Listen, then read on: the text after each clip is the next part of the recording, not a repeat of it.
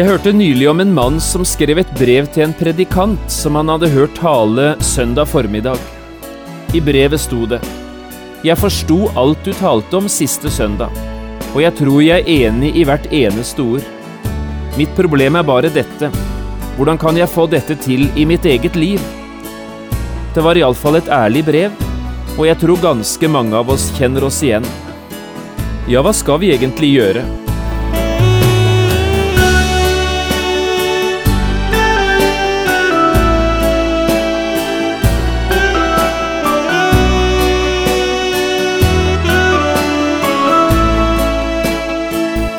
Hjertelig velkommen til et nytt program i serien Vindu mot livet. Programmet er produsert av Kristen Riksradio og blir ledet av Jon Hardang. Dette programmet er produsert med støtte fra Herman Høyfjellssenter.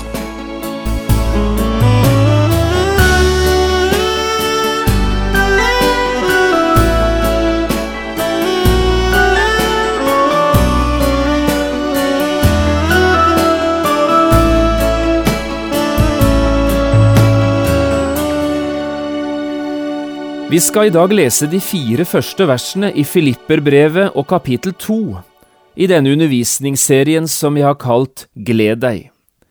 I dag skal vi snakke om Jesu kanskje mest fremtredende egenskap, altså hva som var det mest typiske ved Jesus. Vi leser fra Filipperbrevet i kapittel to, versene én til fire, og jeg har kalt dagens program Ydmykhet. Er det da noen trøst i Kristus? Er det noen oppmuntring i kjærligheten? Er det noe samfunn i ånden? Finnes det noen medfølelse og barmhjertighet? Da gjør min glede fullkommen, så dere har det samme sinn og den samme kjærlighet, ja, med én sjel har det ene sinn. Gjør ikke noe av ærgjerrighet eller av lyst til tom ære men akt hverandre i ydmykhet høyere enn dere selv. Ingen må bare se på sitt eget, men enhver må også ha de andres gagn for øye.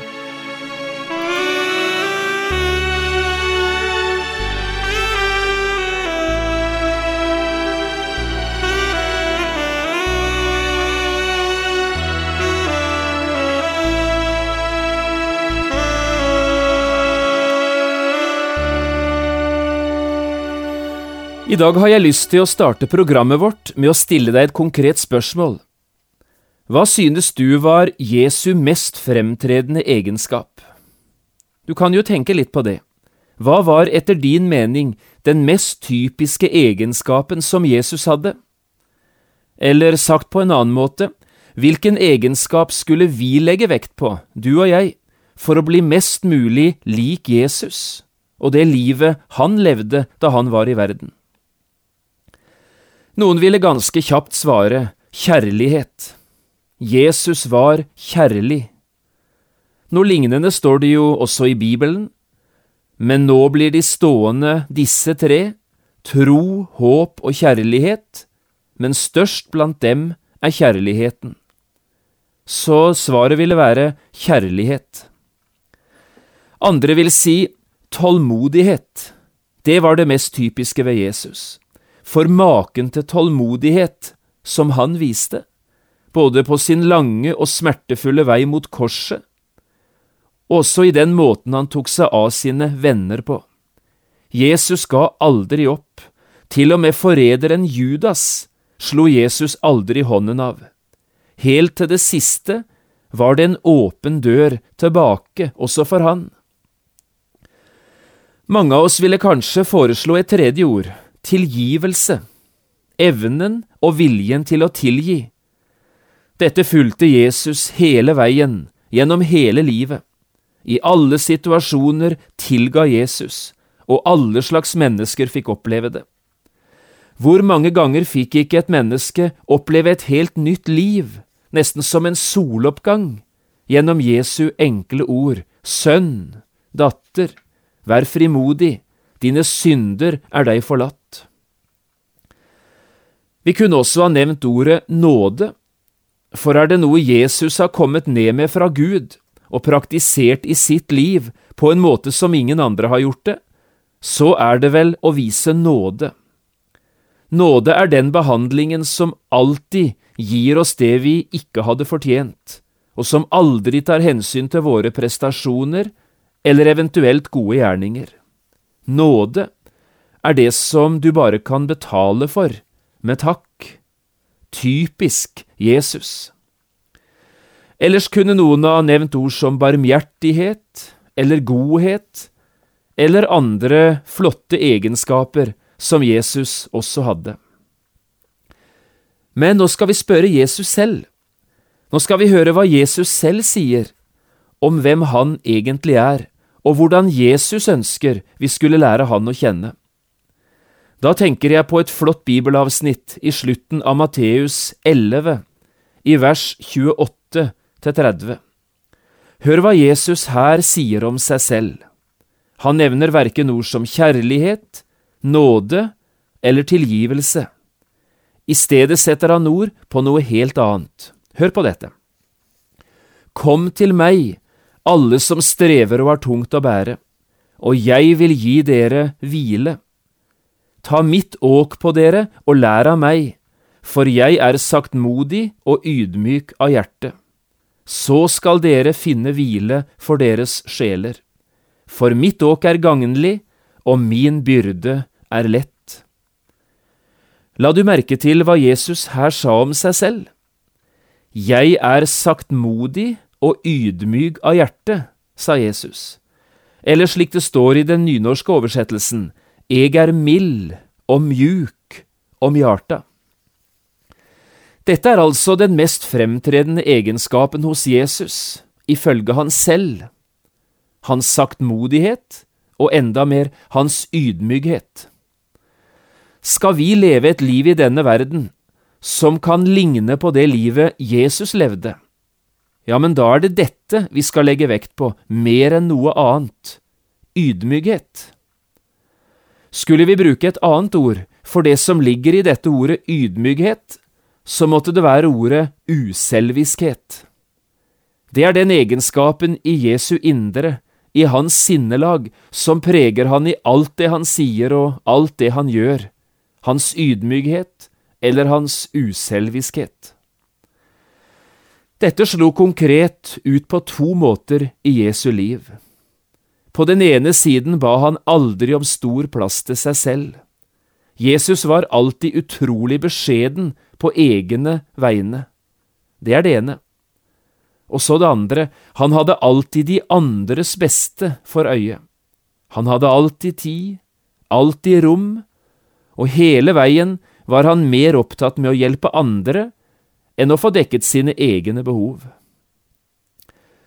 Jesus var utrolig sjenerøs, både med sin egen tid og sine egne krefter, og ufattelig raus med kjærlighet og forståelse. Jesus var på en måte alles tjener. Det var viktigere for han å se etter at alle andre hadde det bra, enn å få dekket sine egne behov. Vil vi forsøke å leve ut i våre liv dette livet som Jesus praktiserte da han gikk her nede, ja, så vil det være disse to tingene det handler om. Ydmyk deg selv, og vær alles tjener. Ingen av oss trenger vel å være særlig klarsynte for å se at dette går helt på tvers av det som er vanlig i vår egen tid. Hvor finner vi de menneskene hen, eller de lederidealene som setter dette på førsteplass? Ydmykhet, uselviskhet og tjenerskinn? Nei, i vår tid handler det ofte om helt andre ting. Vær din egen herre, realiser deg selv, stå på kravene, forsvar dine rettigheter. Det er jeg og meg og mitt og mine hele veien og dette tror jeg er en av de viktigste grunnene til at samfunnet vårt er så preget av hersketeknikker, maktbruk, egoisme, selvhevdelse og misunnelse, hat og baktalelse som det i virkeligheten er.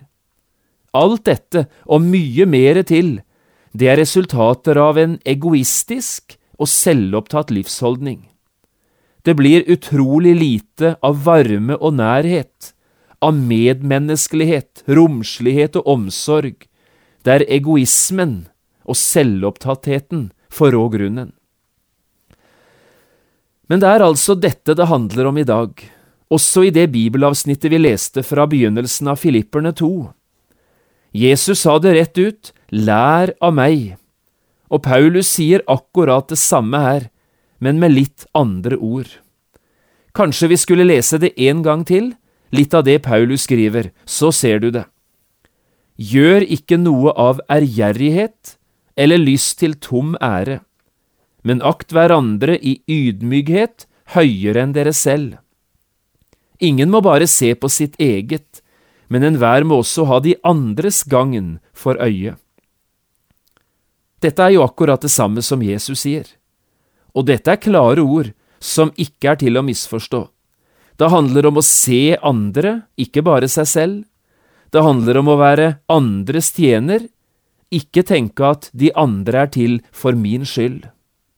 Dette er på en måte den omvendte livsholdningen av det som er vanlig. Jeg hørte nylig en mann som skrev et brev til en predikant han hadde hørt tale en søndag formiddag. I brevet sto det, Jeg forsto alt du talte om forrige søndag, og jeg tror jeg er enig i hvert eneste ord. Mitt problem er bare dette. Hvordan kan jeg få dette til i mitt eget liv? Det var iallfall et ærlig brev han skrev, og ganske sikkert til ettertanke for predikanten. Og jeg tror de fleste av oss som hører det nå i dag, forstår denne tilhøreren svært godt. Også vi kjenner ofte på det samme, ikke minst i møte med de tingene vi snakker om nå. Vi er enige i hvert ord. Problemet er bare hvordan skal jeg klare å omsette dette i mitt eget liv, gjøre alvor av det i min egen hverdag? Jeg tror faktisk svaret på det spørsmålet er å finne i to enkle ord, i et navn – Jesus Kristus. Svaret er Jesus Kristus. Vi trenger et rett fokus. Vi trenger ikke å se på oss selv eller på ulike slags teknikker for å få det til. Vi trenger ikke å se på andre mennesker som tilsynelatende får det bedre til enn det vi selv klarer. Du trenger hjelp til én ting, nemlig å se på Jesus. Gi akt på Han. Sette Jesus i sentrum i livet ditt. Bli opptatt med Han og lære av Han. Her ligger den store hemmeligheten til et annerledes liv, til et liv i glede, i ydmykhet og i uselviskhet. Skulle jeg få sitere et par vers fra Bibelen som setter ord på det samme, måtte det være Hebreerne 12, 1–3. Hør på dette.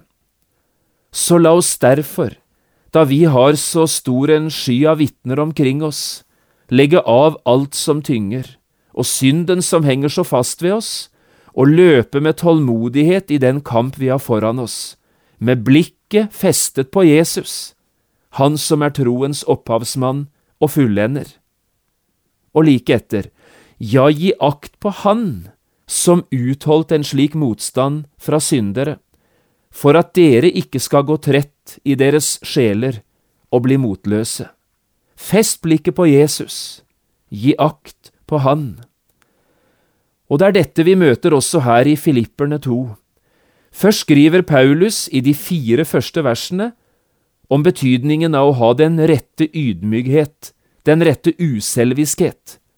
Og så fortsetter han fra vers fem og beskriver en modell for denne ydmykheten, for et liv i uselviskhet, og denne modellen, det er Jesu eget liv. Det skal vi snakke mer om i neste program. Vi finner akkurat det samme i sangskatten vår, betydningen av å feste blikket på Jesus, ha rett fokus, dersom vi skal få del i hans sinnelag. I en sang står det sånn, Se meget på Jesus, vil du bli han lik. Og frelsesoffiseren Henry Albert Tandberg synger om den samme saken når han sier det slik i et av sine vers. Jesus har bedt meg å lære, lære å ligne Guds lam, ydmyk, saktmodig å være, det skal jeg lære hos Han. skue Hans åsyn så lenge at jeg forvandles derved, og at Hans bilde kan trenge dypt i mitt hjerte seg ned. Se på Jesus, fest blikket på Han, det er hemmeligheten. Med alt det vi nå har sagt, er vi midt inne i hovedtanken i Filipperne 2 i begynnelsen av dette kapitlet. Skulle jeg velge ut et annet uttrykk som treffer hovedsaken i det vi leser om her, så måtte det være uttrykket de andre.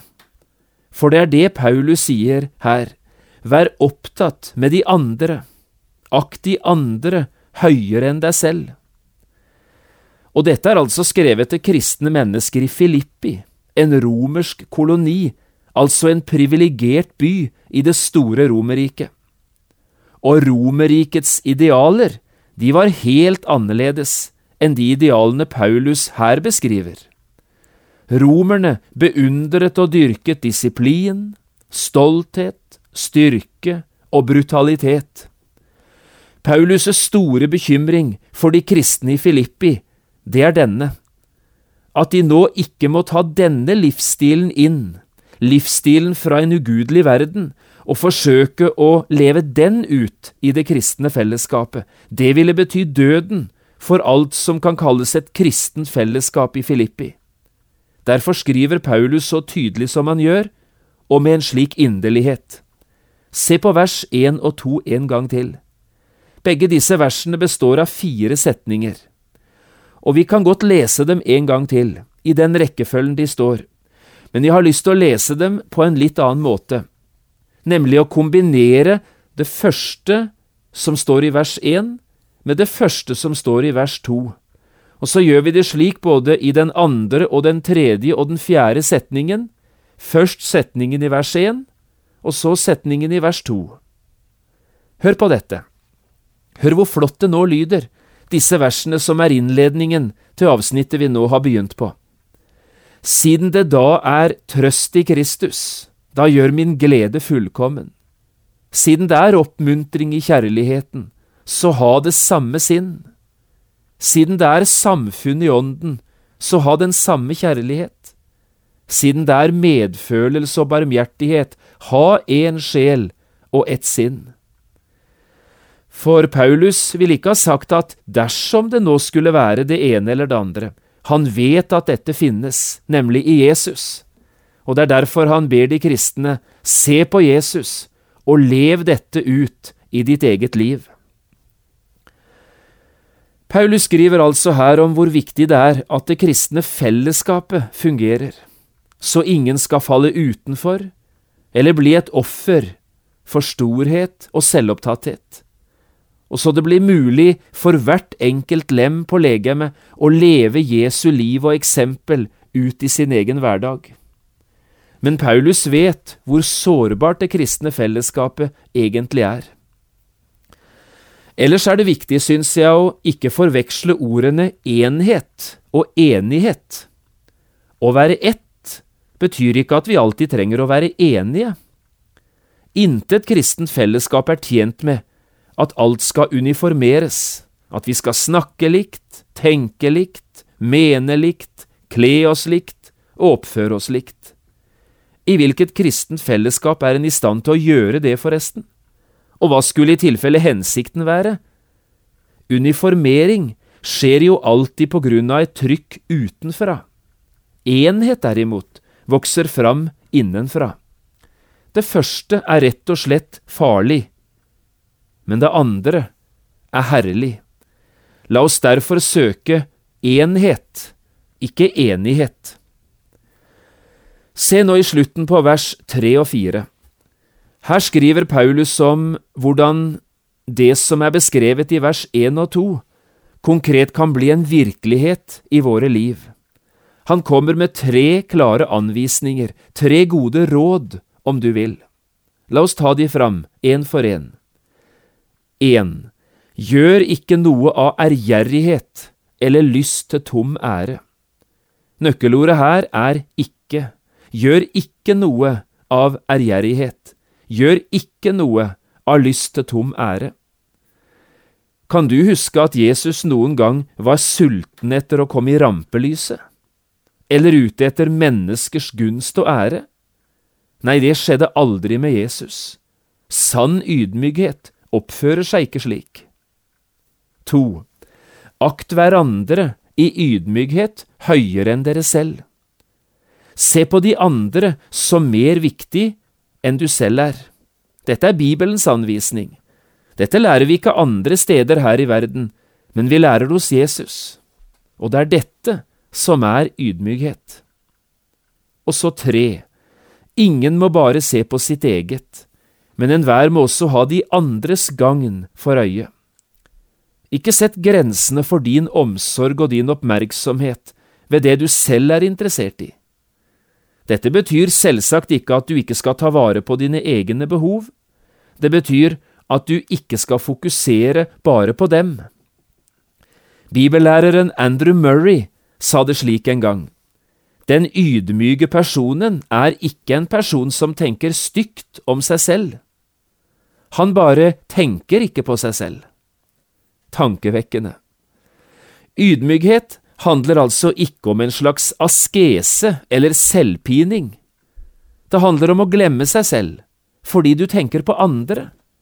Det handler om å se bort fra deg selv, fordi de andres nød er i fokus for din oppmerksomhet.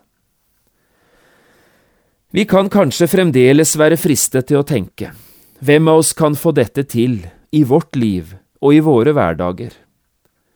La meg si én ting til slutt. Dine omgivelser kan i alle fall ikke hindre deg til å leve ut det livet Paulus her snakker om.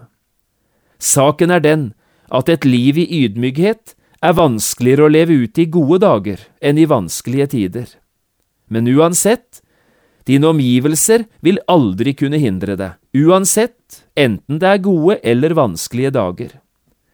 Det var ikke Romerriket som kunne hindre filipperne i å leve kristelig og rett i denne verden. Problemene oppsto dersom filipperne begynte å la seg prege av de idealene som herjet Romerriket, i stedet for av de idealene de hadde lært hos Jesus. Da ville det gå skikkelig galt. Og det er akkurat det samme med oss. Lar vi oss prege av de idealene som denne verden er fylt av, så går det galt. Men lar vi oss prege av Bibelen og av Jesus, så begynner de gode tingene å skje. Og så må du aldri glemme, skulle det likevel gå skikkelig galt, så sier Bibelen, Gud står de stolte imot, men de ydmyke gir han nåde. Ydmyk dere derfor under Guds veldige hånd, for at Han kan opphøye dere i sin tid.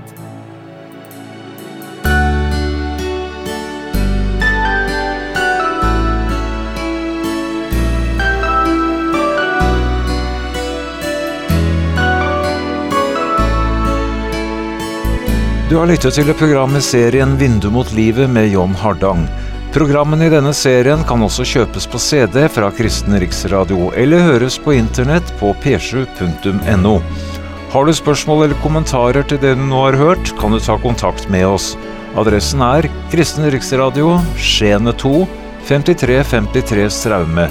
Eller send en e-post vml alfakrøll p7.no. Takk for i dag, og på gjenhør.